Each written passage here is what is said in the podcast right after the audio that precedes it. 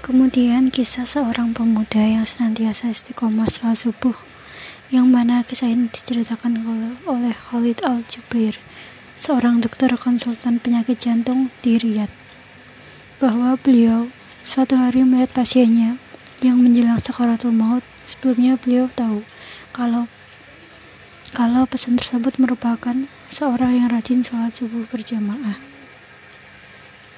Menjelang kematiannya, dokter Khalid melihat pemuda itu memegang tangan perawat, sedangkan perawat itu mendekatkan telinganya ke mulut sang pasien yang sedang berbisik kepadanya. Beberapa saat kemudian, pemuda itu melepaskan tangannya sang perawat, kemudian mengucap, Asyhadu an la ilaha illallah wa asyhadu anna muhammadar rasulullah. Dia berulang kali membacanya sampai ia meninggal dunia.